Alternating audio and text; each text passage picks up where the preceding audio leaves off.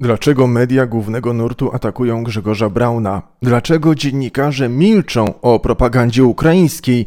Przecież 90% botów i farm troli prowadzi działalność proukraińską właśnie.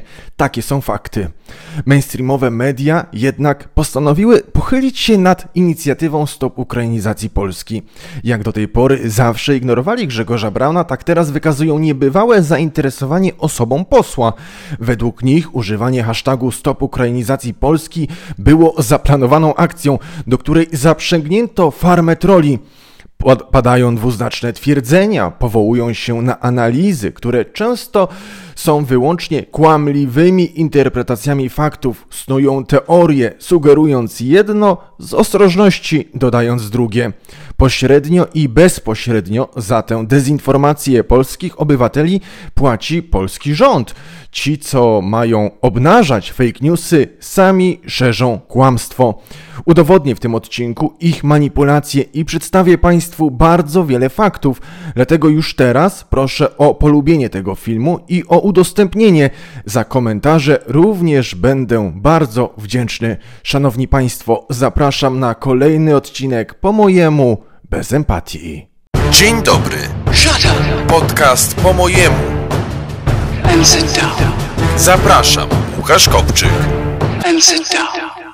Kiedyś znał go cały świat, a jego książki były tłumaczone na 80 języków. Dzisiaj jest zapomniany. Poznaj losy polskiego awanturnika Ferdynanda Osendowskiego, wroga Lenina, którego bolszewicy ścigali nawet 20 lat po śmierci wodza czerwonej rewolucji. Znał osiem języków, w tym chiński i mongolski. Był tak znienawidzony, że rozkopano nawet jego grób, chcąc się upewnić, że nie żyje. Ocalmy go od zapomnienia. Przypominam, że można wspierać finansowo moją pracę, a tym samym także mnie w tej walce o prawdę, o pamięć historyczną. Państwo sobie nawet nie zdają sprawy, jak oni tam w tych redakcjach nerwowo reagują, gdy moje filmy zdobywają po kilka tysięcy polubień i okazuje się, że prześcigam prorządowe strony mające nawet ponad 200 tysięcy obserwujących. Walka Dawida z Goliatem, chciałoby się rzec. Niechaj będzie idealnym przykładem, że możemy zwyciężać wspólnie, bo walczymy o prawdę. Dlatego, kto ma możliwość i kto chce, może wesprzeć finansowo moją pracę. Link do zrzutki w pierwszym komentarzu. Zanim przejdziemy do eksplikacji jednego z artykułów opublikowanego na portalu należącego do spółki, która jest zasilana pieniędzmi ze spółki Skarbu Państwa, wyjaśnijmy sobie kilka kwestii. Każdy trend w internecie zapoczątkowany jest przez grupę najbardziej zaangażowanych osób. Następnie dana informacja dociera do szerszego grona, które promuje dane hasła, filmy, memy w sposób organiczny, czyli naturalnie. Całość możemy porównać do śnieżnej kuli, która tocząc się po lepkim śniegu przybiera coraz większe rozmiary. Gdy zauważamy interesującą treść, to rozsyłamy ją po wszystkich znajomych, a co najmniej kilka osób z grona naszych przyjaciół powtórzy tę czynność.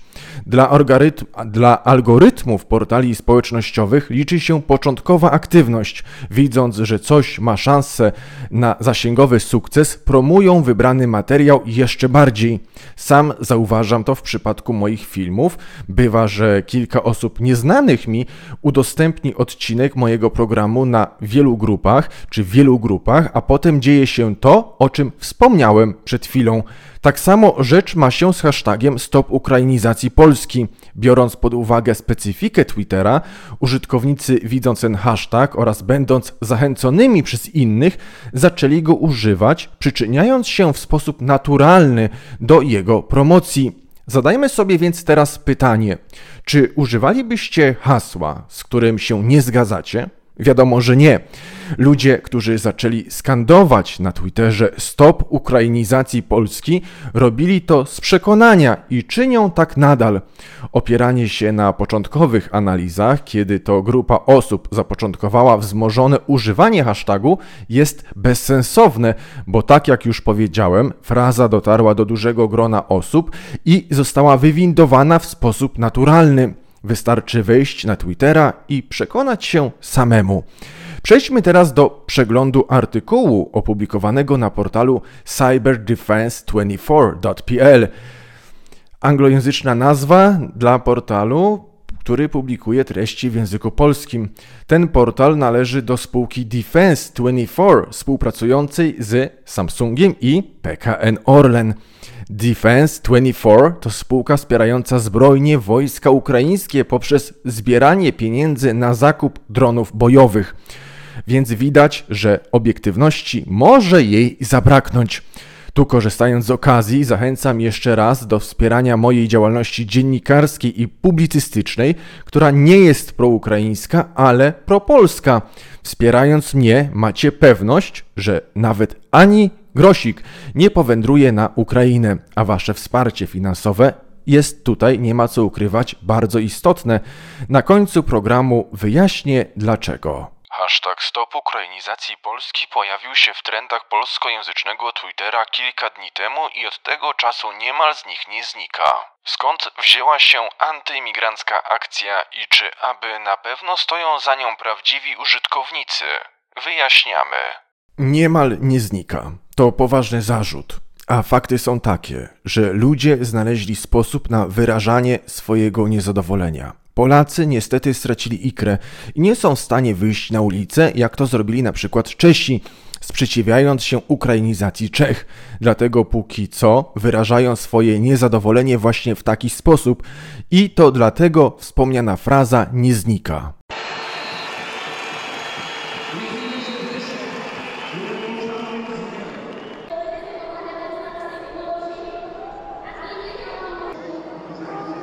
Antyimigrancka akcja. Kolejne hasło. Jakby przymiotnik antyimigrancki miał być czymś negatywnym, lecz na przykład antyterrorysta, dobrze nam się kojarzy, prawda? Zapewniam Was, że wkrótce również antyimigranckie akcje będą Polakom kojarzyły się doskonale, a imigranci negatywnie, pomimo, że naród polski jest narodem gościnnym bardzo, a doprowadza do tego PiS oraz lewactwo. Czy aby na pewno stoją za nią prawdziwi użytkownicy? pyta autorka artykułu. Drodzy Państwo, odpowiedź jest jedna. Tak, za stop ukrainizacji Polski stoją prawdziwi ludzie, Polacy, którzy wychodząc na ulicę momentami nie wiedzą, czy znajdują się w Kijowie, czy w Polsce. Ochrona Polski przed dezintegracją etniczną, polityczną, a nawet terytorialną, która miałaby nastąpić w wyniku zmasowanej imigracji Ukraińców do Polski. Propagandowe artykuły przyczyniają się do wzmożenia efektu Streisand, chociaż zjawisko to polega na masowym rozprzestrzenianiu się informacji, którą usiłuje się cenzurować, to i tutaj mamy do czynienia z czymś podobnym. Lecz mainstream, bojąc się reakcji ludzi, zaczął od razu krytykować poczynania posła Grzegorza Brauna, przez co zapewnił mu jak i całej inicjatywie darmową promocję. Z kolei to doprowadziło do popularyzacji hasła złożonego wyłącznie z trzech słów, ale jakże oddającego istotę przesłania. Rozgłos zaś poskutkował powtórnym odzewem mediów mainstreamowych, które podjęły yy, próbę przekonywania ludzi, że hashtag Stop Ukrainizacji Polski nie ma de facto poparcia w społeczeństwie, a jego wzięcie jest iluzoryczne. Te mądre głowy nie zdają sobie nawet sprawy, że ludzie mają gdzieś ich tłumaczenia, a słysząc stop ukrainizacji Polski w ciągu kilku sekund stwierdzają, że to hasło rezonuje z ich poglądami. Autorka wspomina, że w momencie pisania artykułu granice Polski przekroczyło 5 milionów 934 tysiące osób z Ukrainy, jednak w jej głowie nie zaświtała ani przez moment myśl, że Polacy coraz bardziej mają dość kilku milionów Ukraińców, którym nadaje się przywileje socjalne. Laboratorium Digital Forensics Research Lab Działające przy think tanku Atlantic Council poinformowało, że stop ukrainizacji Polski, hashtag wykorzystujący nazwę ustawy proponowanej przez Konfederację, w szczególności zaś promowanej przez posła Grzegorza Brauna, to część operacji informacyjnej realizowanej w polskiej infosferze. Drodzy Państwo, Atlantic Council i mądro brzmiąca nazwa laboratorium Digital Forensics Research Lab mają sprawiać wrażenie poważnych instytucji, a tak naprawdę są to organizacje będące niejako zarzewiami propagandy zagranicznej zaszczepionej na grunt polski. Później nędzni dziennikarze niemal słowo w słowo kopiują przekaz zagraniczny i rozsiewają tę propagandę wśród swoich rodaków. Sformułowanie, dajmy na to operacja informacyjna, brzmi złowieszczo, a to nic innego jak zwykła akcja informacyjna, jedna z wielu przeprowadzanych każdego dnia przez różne podmioty. Na przykład media mainstreamowe, w przeciwieństwie do operacji informacyjnej, przeprowadzają akcję propagandową, operację propagandową wymierzoną w osobę posła Grzegorza Brauna i jego inicjatywy Stop Ukrainizacji Polski. Dokument zawiera kilka nieuzasadnionych antyukraińskich i antyimigranckich stwierdzeń, twierdząc, że napływ Ukraińców stanowi zagrożenie dla suwerenności Polski i tworzy podziały etniczne i kulturowe w kraju. Każdy zwiększony napływ obcej ludności doprowadza do podziałów etnicznych i kulturowych, zwłaszcza jeśli kraj przyjmujący faworyzuje imigrantów, degradując tym samym swoich własnych obywateli. Ostatnio pisał o tym The Economist, lecz dziennikarka Freserowa nie może zdobyć się na samodzielne myślenie i powtarza brednie za zagranicznymi funkcjonariuszami frontu ideologicznego, podważając rzeczy oczywiste. Autorka tekstu powołuje powołuje się na analizę Giviego Gigi Taszwiliego, który już od samego początku stwierdza, iż w dużej mierze nieautentyczna kampania wywindowała hashtag Stop Ukrainizacji Polski na sam szczyt. Zwróćmy uwagę na podstawowy zwrot. W dużej mierze. Piękny wytrych podyktowany przebiegłością analityka, bo w tym przypadku możemy mieć do czynienia z czymś nieautentycznym lub autentycznym, ale sformułowanie w dużej mierze jest bardzo nieprecyzyjne. I właśnie na czymś takim, na takiej nieprecyzji opiera się dziennikarka Cyber Defense 24. Jednak to nie koniec. Fraserowa po prostu streściła anglojęzyczny artykuł, pomijając najistotniejsze fragmenty. Wykazała się również nasza propagandzistka niewiedzą, bo tekst został opublikowany 31 sierpnia, a ona w czasie teraźniejszym napisała Jak wykazała analiza, 46 tysięcy tweetów, które można znaleźć pod tym hashtagiem zamieszczono w serwisie pomiędzy 24 a 27 sierpnia. Można było znaleźć, powinna napisać. Twitter to serwis dynamiczny. Każdej sekundy pojawia się setki tysięcy tweetów, a ona daje do zrozumienia, że hashtag przestał być już używany, bo skoro można znaleźć, y, to no, nie jest on zasilany nowymi tweetami. Drobna, aczkolwiek istotna manipulacja z jej strony. Fraserowa także raz podaje zakres od dat od 24 do 27 sierpnia, a dwa akapity później przedział ulega zmianie, bo dotyczy dni od 24 do 28 sierpnia, ale liczby tweetów pozostają takie same. Jeśli chodzi o konkretne dane, to skupimy się na oryginalnym artykule, bo Fraserowa pomija najistotniejsze fakty i wyciąga błędne wnioski. 10 najaktywniejszych kont użyło hashtagu Stop Ukrainizacji Polski 7385 razy w okresie od 24 do 27 sierpnia na 46 019 wszystkich tweetów zawierających to hasło. To raptem 16%. Fraserowa oświadcza, że ponad 16%. Co prawda nie kłamie, bo w rzeczywistości jest to 16,4%, y, no ale gdy odejmiemy tylko 20 tweetów, to wyjdzie nam równo 16%. Takie drobnostki, ale widzimy już, jak Fraserowa manipuluje. Na tak prostym przykładzie możecie zobaczyć, jak za wszelką cenę pragną sprawić, abyście myśleli, że mowa jest tu o kolosalnych liczbach, iż posuwają się do stosowania tanich, marketingowych zabiegów. To więcej niż tych 16% stanowią Ukraińcy w niektórych polskich miastach, bo według danych z maja na przykład 28% i więcej yy, Ukraińców mieszka w największych polskich miastach. Blisko 5 milionów Ukraińców w Polsce to, dla, to niewiele dla Fraserowej i innych propagandzistów, lecz 10 osób, które w ciągu 3 dni odpowiadało wyłącznie za 16% użycia hashtagu, to już bardzo, bardzo dużo. Rozbijmy jeszcze liczbę 7385 na 10 i na 3. Wychodzi nam w ten czas, że jedna osoba musiała dziennie opublikować średnio 246 tweetów. Czy to dużo? W przypadku Twittera w żadnym wypadku. Najwięcej jeden y, z użytkowników opublikował około 1600 tweetów. W ciągu 3 dni to daje 533 tweety na dzień. E, gdyby przyjąć 8 godziny czas pracy, to w ciągu godziny musiałby opublikować około 67 tweetów. To dalej niewiele. Jak Państwo widzą, kiedy rozbijemy liczby, to już nie wydają się tak imponujące. Zwróćmy jeszcze uwagę na jeden aspekt, o którym wspomniałem na początku. Ludzie mają dość tego, co się dzieje i gdy, nada i gdy nadarzyła się okazja, to się zaangażowali w promocję hasła, a następnie, kiedy hashtag zyskał popularność, to inni zaczęli go używać, przyłączyli się do akcji, w tym i ja. A jak widzą Państwo, no jestem realną osobą, botem czy trolem na pewno nie jestem. Działania portali informacyjnych, czy nawet fraserowej, która dziwnie zapisuje liczby oraz stosuje sprzedażowe sztuczki, nie dziwią. Dlaczego?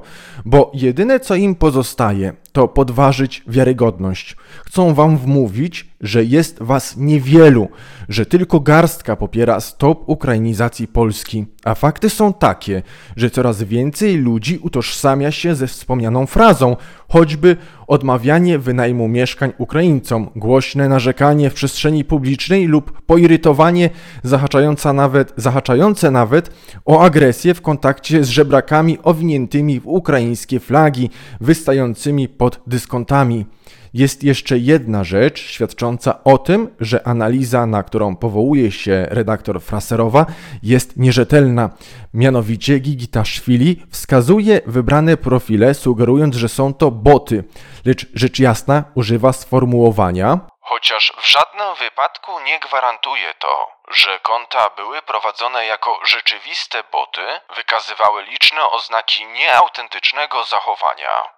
Ostrożność zachowana a czytelnik przyklaśnie i będzie rozsiewał fałszywą informację, że to jednak boty. Gigitaszwili pośród wymienionych jako boty lub też jako potencjalne boty wymienia profil redaktora Marcina Skalskiego. Rozmawiałem z redaktorem Skalskim na ten temat osobiście i z rozbrajającą szczerością potwierdził moje przypuszczenia, iż jego spadek aktywności na tym darmowym portalu podyktowany jest pracą badawczą nad ziemiami odzyskanymi. Mógłbym Państwu wymienić wiele kont, których aktywność jest nieregularna i zwiększa się wtedy, gdy jakiś temat traktują na tyle poważnie, że zaczynają przejawiać twitterowe e, aktywności. Kolejnym aspektem poruszonym przez zagranicznego analityka osiadłego w Warszawie, e, w stolicy naszej ojczyzny, są retweety, czyli udostępnione tweety innych autorów. Tak robi bardzo wiele y, osób, wielu użytkowników. Nie wpływa to na przyrost obserwujących, ale nie świadczy w żaden sposób o byciu botem. Gigitaszwili wykazuje się elementarnymi brakami wiedzy co do znajomości obyczajów panujących wśród użytkowników Twittera i tym samym podważa swoją wiarygodność jako analityka social media, a po nim, po analityku manipulancie, powtarza polska dziennikarka, która pomija najważniejsze informacje w swoim niedoskonałym tłumaczeniu. Dziennikarka Małgorzata Fraserowa zaznacza, że profil redaktora Skalskiego jest autentyczny, ale już nie dopuszcza możliwości, że inne konta także mogą być prawdziwe. Zepsułaby wtedy propagandę agenta frontu ideologicznego zamieszkałego w Warszawie Gigita Szwilego. Zwróćmy uwagę na jeszcze jeden portal finansowany przez Ministerstwo Spraw Zagranicznych RP. Michał Marek napisał artykuł, w którym streszcza mniej więcej to, co omówiłem dotychczas w tym programie. Jego tekst przeanalizuję w następnym odcinku, już teraz Państwa zapraszam, E, dlatego warto zasubskrybować mój kanał, polubić fanpage na Facebooku. E, Ale teraz tylko pragnę Państwu wskazać, że dezinformacyjne działania propagandowe są bezpośrednio finansowane przez polski rząd. Drodzy Państwo, sami Państwo widzą, że dla zwolenników Ukrainy liczy się wyłącznie propaganda. A żeby tej propagandzie dawać odpór, są potrzebne takie filmy jak ten. A do tego jest potrzebne Wasze finansowe wsparcie. Moim celem jest, abyście mogli oglądać moje programy w dedykowanej aplikacji mobilnej, bez cenzury i bez algorytmów mediów społecznościowych. Drodzy rodacy, Wasza finansowa pomoc jest o tyle ważna, ponieważ rząd i pozarządowe organizacje mające interes w szerzeniu ukraińskiej propagandy dysponują ogromnymi środkami. Mówią, że prawda sama się obroni. Otóż nie.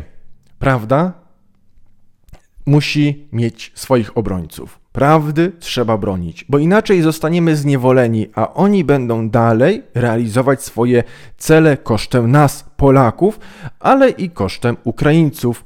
Masowa imigracja z Ukrainy do Polski, jak donoszą badacze z Australijskiego Uniwersytetu w Adelaide, była efektem twitterowej ukraińskiej propagandy. Dlatego Wasza pomoc, Szanowni Państwo, jest tak istotna. Proszę uprzejmie o subskrypcję mojego kanału na YouTubie, polubienie tego filmu i udostępnienie. Jestem również dostępny na Telegramie. Zapraszam do dołączenia do y, mojego kanału na Telegramie. Bądźmy w kontakcie. Link do wsparcia, do YouTube'a i Telegramu y, w pierwszym komentarzu. I bym zapomniał jeszcze, zachęcam Państwa do bezpłatnej prenumeraty Prawica Info. Żadnego spamu, treści redagowane bezpośrednio przeze mnie. Szanowni Państwo, specjalnie dla Państwa Łukasz Kopczyk. Kiedyś znał go cały świat, a jego książki były tłumaczone na 80 języków. Dzisiaj jest zapomniany. Poznaj losy polskiego awanturnika Ferdynanda Osendowskiego, wroga Lenina, którego bolszewicy ścigali nawet 20 lat po śmierci wodza czerwonej rewolucji. Znał osiem języków, w tym chiński i mongolski. Był tak znienawidzony, że rozkopano nawet jego grób, chcąc się upewnić, że nie żyje. Ocalmy go od zapomnienia.